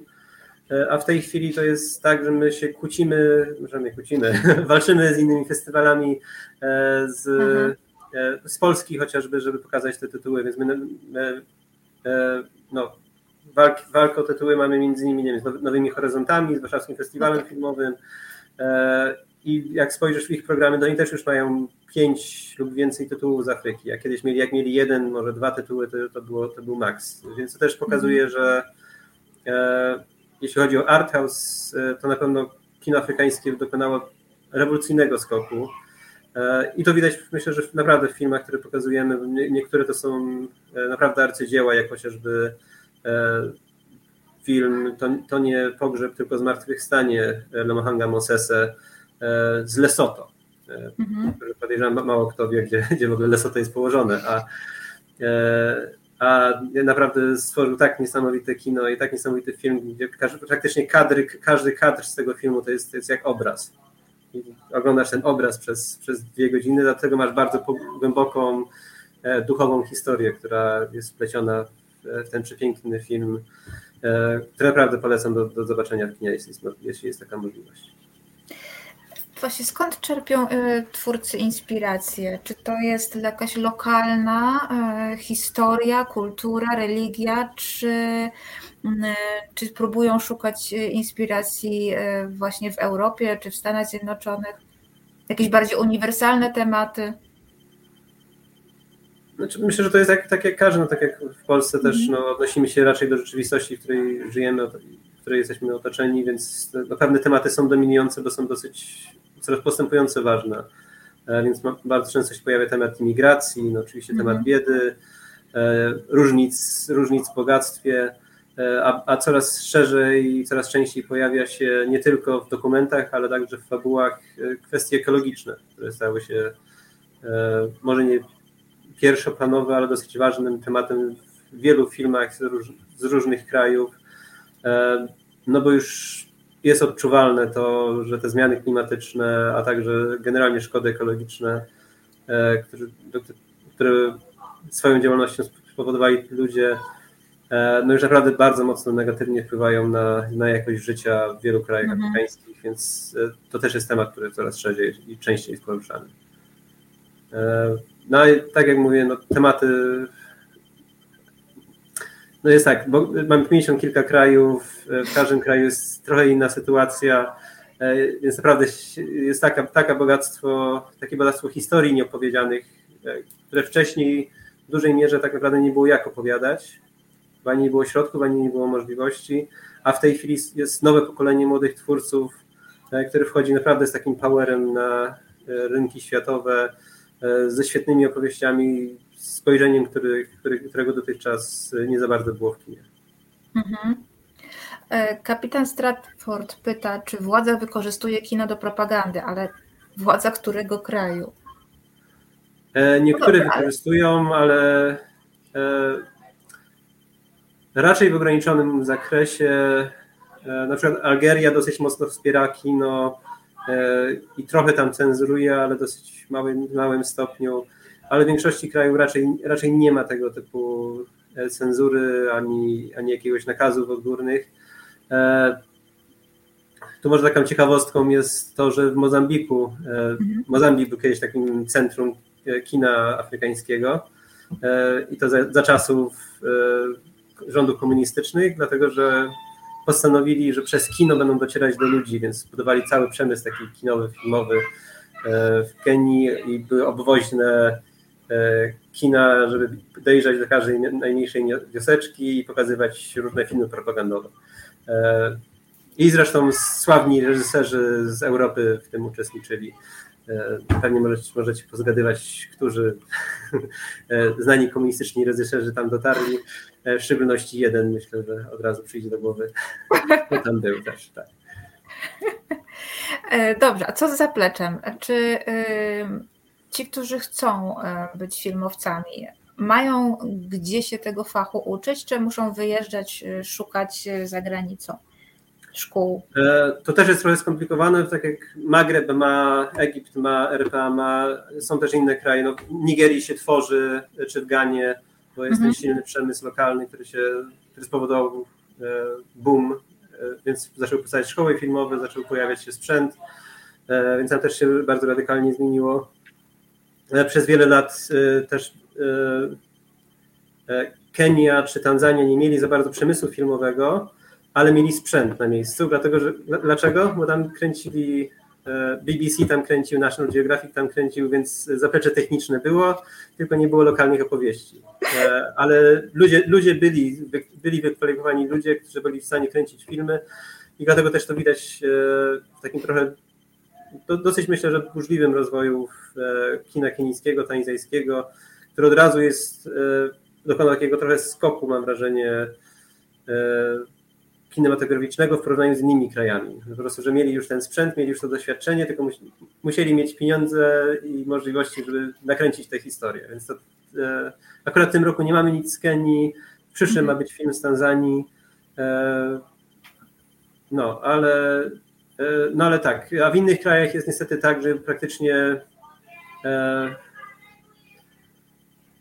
e, nie ma za bardzo zaplecza i bardzo często niektóre filmy, które powstają, e, akurat e, to są filmy z zeszłego roku, na przykład Noc Królów z wysp, przepraszam, Wybrzeża Kości Słoniowej, e, czy Umrzesz mając 20 lat, który jest mm. z Sudanu, to oba filmy funkcjonowały jednocześnie jako takie wydłużone warsztaty filmowe. Że to właściwie dla twórców lokalnych, którzy uczestniczyli w tych projektach, to była jedyna szansa na dostęp do na współpracę i robienie kina e, na poziomie światowym. E, I w bardzo wielu miejscach, e, państwach tacy właśnie pojedynczy reżyserzy, którzy są często wykształceni na zachodzie i wracają, to oni przewożąc ze sobą film, przewożą też od razu bardzo często pierwszy możliwość współpracy na bardzo profesjonalnym planie filmowym. E, I to się na przykład też nie wiem, dotyczy e, e, Mohameda Saleha Haruna, takiego sławnego reżysera z Czadu. Jego najnowszy film będzie na naszym festiwalu Lingui i praktycznie każdy jego projekt, który on robi, on tak. realizuje tak co 3-4 lata, to jest, to jest taki projekt budowy przemysłu kinematograficznego w Czadzie. Mhm. Co też ma związek z tym, że właściwie jest jedynym reżyserem z Czadu, który jest kojarzony. Tak. Jest tam jeszcze paru innych, ale, ale, no, ale niestety tak, tak jest. Podobnie, podobnie jak nie wiem, Abderrahman Sisako, taki sławny reżyser z Maurytanii, e, jego najsławniejszy film to Timbuktu, e, sprzed -hmm. paru lat Oscarowy. No to on też w Maurytanii, jak zrobi jakiś film, to właściwie no jest, jest sam tam. I, i musi wszystko ze sobą, sprzęt musi zwozić, musi zwozić ludzi, i stara się jak najwięcej integrować i brać ludzi od lokalnych. E, no tylko to też właśnie no, wiąże się z tym, że trzeba do każdego filmu odbywają się jeszcze długie warsztaty. Czyli na przykład szkolenie aktorów, e, szkolenie Rozumiem. E, kadr filmowych, ekipy filmowej, bo tego nie ma na tym poziomie, na którym oni potrzebują. Tutaj wspomniałeś, e, bo ja się na Lingui bardzo zasadzam, e, bardzo jestem tego filmu ciekawa. E, natomiast Państwu bardzo polecam umrzeć, umrzesz mając 20 lat. To jest Piękny film, bardzo ciekawy, bardzo dużo mówiący o współczesnej kulturze e, sudańskiej, ale także e, muzułmańskiej, bo myślę, że można to troszeczkę porównać też do, troszeczkę do sytuacji takiej duchowej e, w Egipcie. No ja byłam zachwycona tym filmem, także go bardzo mocno polecam. Jest pytanie od Andrzeja Mroczkowskiego. Panie Przemku, festiwal festiwalem. Ale jak Pan ocenia ekspansję kina afrykańskiego na Netflix? E, jest na owej platformie trochę pozycji wartych moim zdaniem uwagi.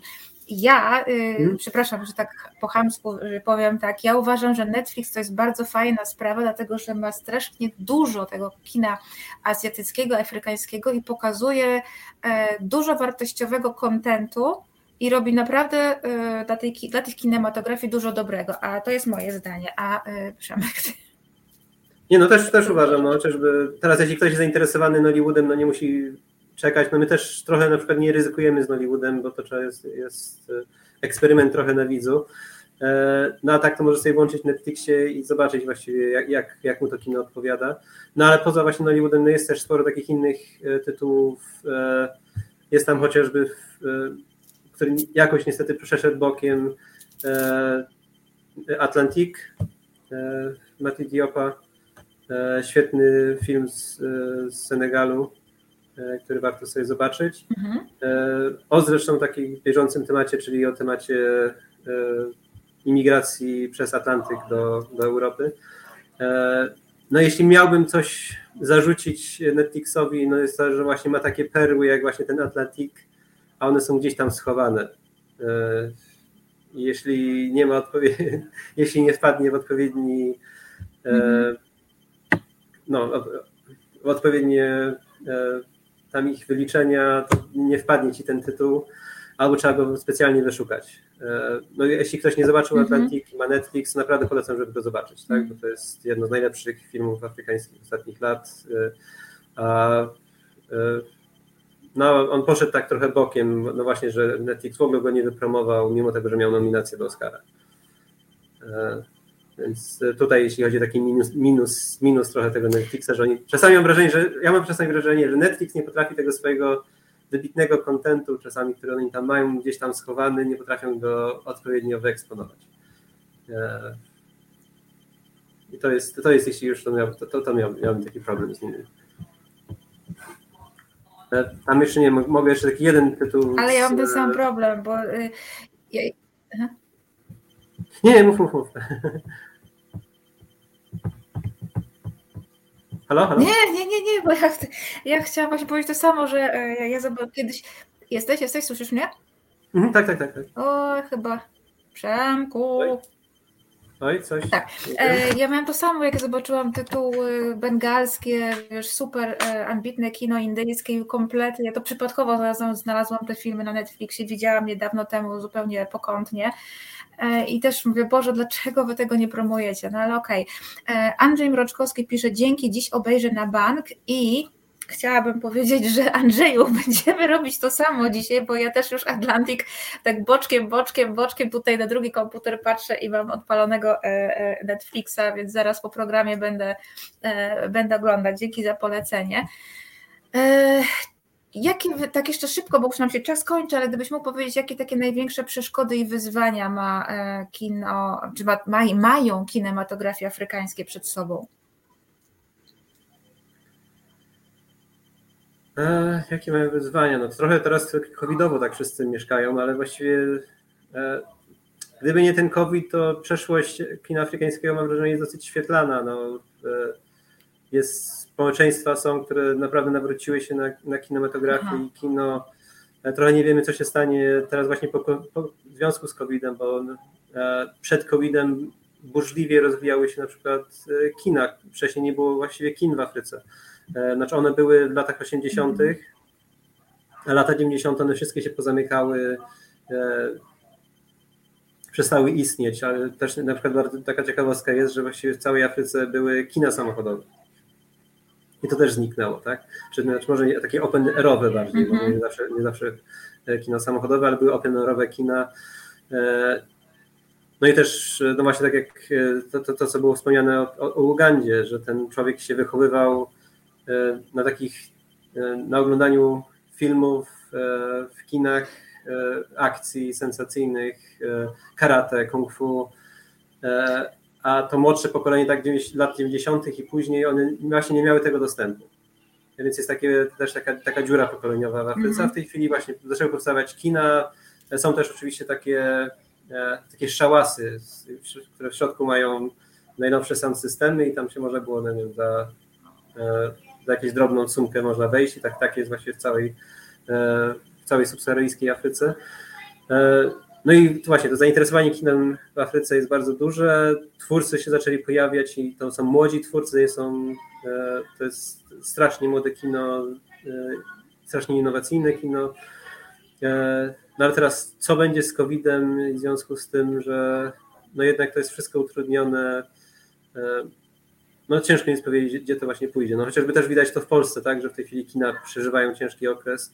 Jest pytanie, na ile to wszystko właśnie nie pójdzie w online, tak? I tak. E, online nie zaminuje e, i Netflix mhm. i Netflix zacznie to wszystko przejmować, tak? A tak jeszcze o Netflixie też mi przypomniał jeden film, mhm. Czyj to dom, który może jest afrobrytyjski, możemy powiedzieć, no ale, ale też warto taki horror też o imigrantach z Afryki, mhm. brytyjski horror. Też, też polecam, też jest na Netflixie. No właśnie, jeszcze miałam Cię zapytać o, o produkcję, ale już nam się czas. E, czas już nam się kończy. Czyli co? Zapraszamy na festiwal Afrykamera e, od 10 e, grudnia w warszawskiej kinotece. Tak. No, jak na razie dobrze tak. mówię. I 10 grudnia w piątek. 10 program jest dostępny na Przemek www.afrykamera.pl no proste. Rozumiem, że mamy takie opóźnienie mamy chyba, coś? Mamy takie... Tak, coś tam się zrobiło. E, trudno, e, jakoś to jakoś damy radę. E, więc tak, zapraszamy na Afrykamera od 10 grudnia w kinotece. Ja na pewno w piątek w kinotece będę, bo jest egipski film Amira. Jedyne jaki oglądałam to jest Umrzesz mając 20 lat, który bardzo serdecznie polecam. O, dziękuję bardzo. Właśnie mamy tutaj stronę, na której znajdziecie Państwo program. Przemek, e, bardzo Ci dziękuję za, e, za obecność. Mm, trzymam kciuki za, e, za powodzenie festiwalu. Może się gdzieś tam zobaczymy przy którymś filmie. Dzięki wielkie. Też dziękuję. Dziękuję też słuchaczom. Dzięki wielkie i dobranoc, a ja jeszcze zostaję e, chwileczkę, jeszcze zostaję, miało być, e, znaczy kącik kulturalny to już od siedmiu odcinków usiłuję zrobić, e, natomiast jakoś zawsze się zagaduję z gośćmi albo sama. Dzisiaj cała druga część Azja Inkognita jest właściwie mm, kącikiem kulturalnym, bo mówimy o kinie, ale chciałabym tutaj powiedzieć o książkach. Jeżeli reseta wegetarianie i resetarianki lubią nie tylko oglądać, e, ale i czytać.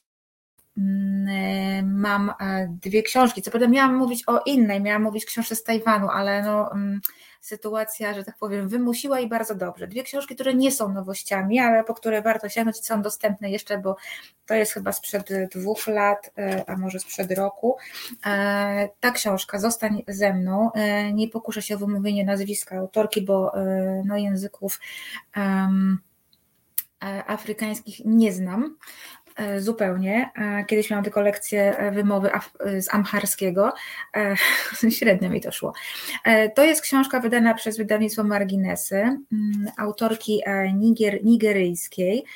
O ile pamiętam, to jest jej, tak, to jest jej debiut i bardzo fajnie koresponduje z moją rozmową z dr Zuzanną Augustyniak, bo dotyczy kwestii kobiet, można powiedzieć kwestii e, e, kobiecej. E, kurczę, nie da się rozczytać. Dobra, więc to jest tak, zostań ze mną, książka Zostań ze mną, um, wydana przez Marginesy bodajże w 2019 roku, to to już ma ma dwa lata. E, to jest dosyć krótka e, książka, e, ma chyba 300 stron, niecałe 300 stron i odnosi się właśnie do sytuacji kobiet w Nigerii. Bohaterka jest młodą mężatką, wyszła za mąż z miłości, z mężem ma fajny związek do momentu, w którym niestety okazuje się, że nie może zajść w ciążę. To znaczy, nie wiadomo, e, kto nie może, dlatego że e, no, na początkowym etapie e, problemu nie robią, małżeństwo nie robi badań, bo oczywiście patriarchalna kultura zrzuca winę na, na bohaterkę, jako że, to, że kobietę. No i zaczyna się e, problem, ponieważ nasza bohaterka, muszę sobie przypomnieć imię, bo już nie pamiętam, o nie, e, nie przeczytam, nie powtórzę tego imienia. W każdym razie dziewczyna jest dosyć samodzielna, prowadzi własny zakład fryzjerski, ale i tak i tak jest wtłaczana w takie bardzo stereotypowe mm, role przypisywane kobietom. Ma być przede wszystkim matką i temu pragnieniu macierzyństwa ona poświęca najbliższy czas, e, łącznie z zasięganiem e, porad e, znachorów. Jej związek powoli się z mężem powoli no, ulega takiej degradacji, ona się czuje, że jest tylko połową kobiety, no bo jest bezpłodna, nie jest w stanie chociaż chce dostosować się do tych norm społecznych, w, które narzucają, e, które narzuca jej ta patriarchalna tradycja, ale też e, autorka pokazuje, e, że mm, to, co mówiła właśnie doktor Zuzanna Augustyniak, że ofiarami patriarchatu są nie tylko kobiety, ale i i mężczyźni, bo mąż naszej bohaterki jest zmuszany do wzięcia drugiej żony, której nie kocha, której nie szanuje, e, która może mu się fizycznie podoba, ale no, no nie jest jego ukochaną. E, pod wpływem matki się rzeczywiście się żeni, co doprowadza do w ogóle do katastrofalnego, katastrofalnej sytuacji e, w jego pierwszym małżeństwie. I tak naprawdę cała trójka jest e, głęboko nieszczęśliwa, nie potrafi sobie z tym poradzić, nie potrafi się dostosować i cała trójka staje się ofiarami, ofiarą E, ofiarą e, patriarchalnego e, systemu, który panuje do dzisiaj w Nigerii. Ja, to jest książka bardzo ładnie napisana też. Troszeczkę może nie podobał mi się koniec, ale, ale no to już, to już są moje odczucia. Natomiast książka jest bardzo wartościowa i literacko, e, i tematycznie. Więc jeżeli chcecie się czegoś więcej dowiedzieć, rozszerzyć e, wiedzę swoją o kobietach w Afryce, mm, no to e, to bardzo e, polecam, żebyście zajrzeli. E, czyta się dosyć szybko i, i, i, sprawnie. W przeciwieństwie do drugiej książki, którą chcę Wam e, polecić, nie wiem czy widać okładkę, to jest książka wydana w zeszłym roku przez wydawnictwo Albatros, Orkiestra Bezbronnych. To także jest pisarz pochodzenia nigeryjskiego, Orkiestra e, Bezbronnych, ja nie, nie boję się wymawiać, e, Joma e, to jest autor, to jest jego debiutancka książka i ja jestem bardzo wdzięczna, że wydawnictwo Albatros pokusiło się o wydanie tej książki. Ona już nie odnosi się stricte do kobiet, chociaż jest bardzo ważna bohaterka, ale w ogóle do sytuacji we współczesnej Afryce, we współczesnej e, Nigerii. E, tak, dziękuję bardzo. E, I tutaj Asia napisała Wam, Państwu tytuł i, i autora. Jeżeli widać, co to jest ta książka, wydawnictwo Albatros, to jest książka, która mówi mm, o losie, o losie e, człowieka. E, odnosi się do Afryki, ale myślę, że też każdy, że wiele osób znajdzie tutaj e, troszeczkę no, z przeciwnościami losu. To jest opowieść o siłach, które właśnie popychają nas w życiu, żeby iść dalej i szukać dalej, sięgać, sięgać dalej,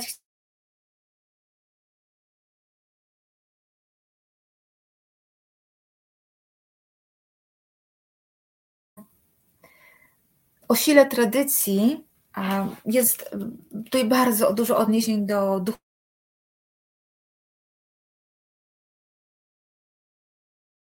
To też do religii. No właśnie wiem, że coś rwie, ale nie wiem, nie wiem co, bo, bo wszystko się zgadza, internet jest, wszystko, e, wszystko pracuje i nie wiem dlaczego ja nagle Wam tam e, tak, tak znikam. Jeszcze spojrzę tutaj może no wszystko, wszystko działa. E, więc e, jeszcze raz, to jest e, Orkiestra Bezbronnych, książka o współczesnej Nigerii, o współczesnej Afryce, o tym, co, mówiąc brzydko, biały człowiek zrobił Afryce, o tym, że w tej chwili ani zachodni kapitalizm nie jest dobrym wyjściem, ani ta totalna tradycja i to zanurzenie się całkowite w, w kulturze też nie jest dobrym rozwiązaniem. To jest o, książka o tym, że czasami trzeba zerwać więzy z, z tradycją, w której wyrośliśmy i, i, i, ruszyć dalej, zaryzykować. Czasami można dostać e, niestety tęgie e, lanie od, od losu, no ale, mm, ale e, no ale może, e, może warto. To jest też książka, która pokazuje to, co e, mówiła Zuzanna, o rozwarstwieniu społecznym, o tym, że w jednym mieście afrykańskim e, kobieta może być e, zamożna i e, może sobie na więcej pozwolić, pójść na studia i, i nawet pracować, jak bohaterka tej książki, która prowadzi swoją własną aptekę po studiach farmaceutycznych, no a inna będzie, będzie służącą, ale też to wykształcenie i, um, i ta praca, i ta niby samodzielność, i tak i tak e, nie zawsze daje szczęścia, no bo bohater spotyka bohaterkę, gdy ona usiłuje popełnić samobójstwo, nie zdradzę e, dlaczego. E, to jest fantastycznie napisana powieść, trudna, ja ją, ja ją długo czytałam, a czytam dużo, także mm,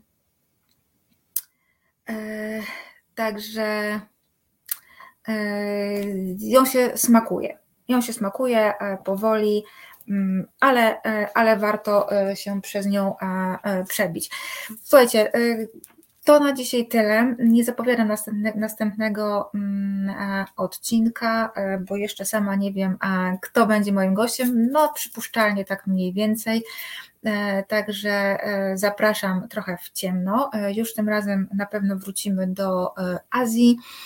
E, a ja zapraszam, dziękuję w imieniu swoim i Asi. Asia Tor była dzisiaj moją e, realizatorką. E, także widzimy się za tydzień. Mam nadzieję, że się widzimy za tydzień we wtorek o 19. A może z kimś się zobaczę na festiwalu Afrykamera. Zobaczymy. Do zobaczenia.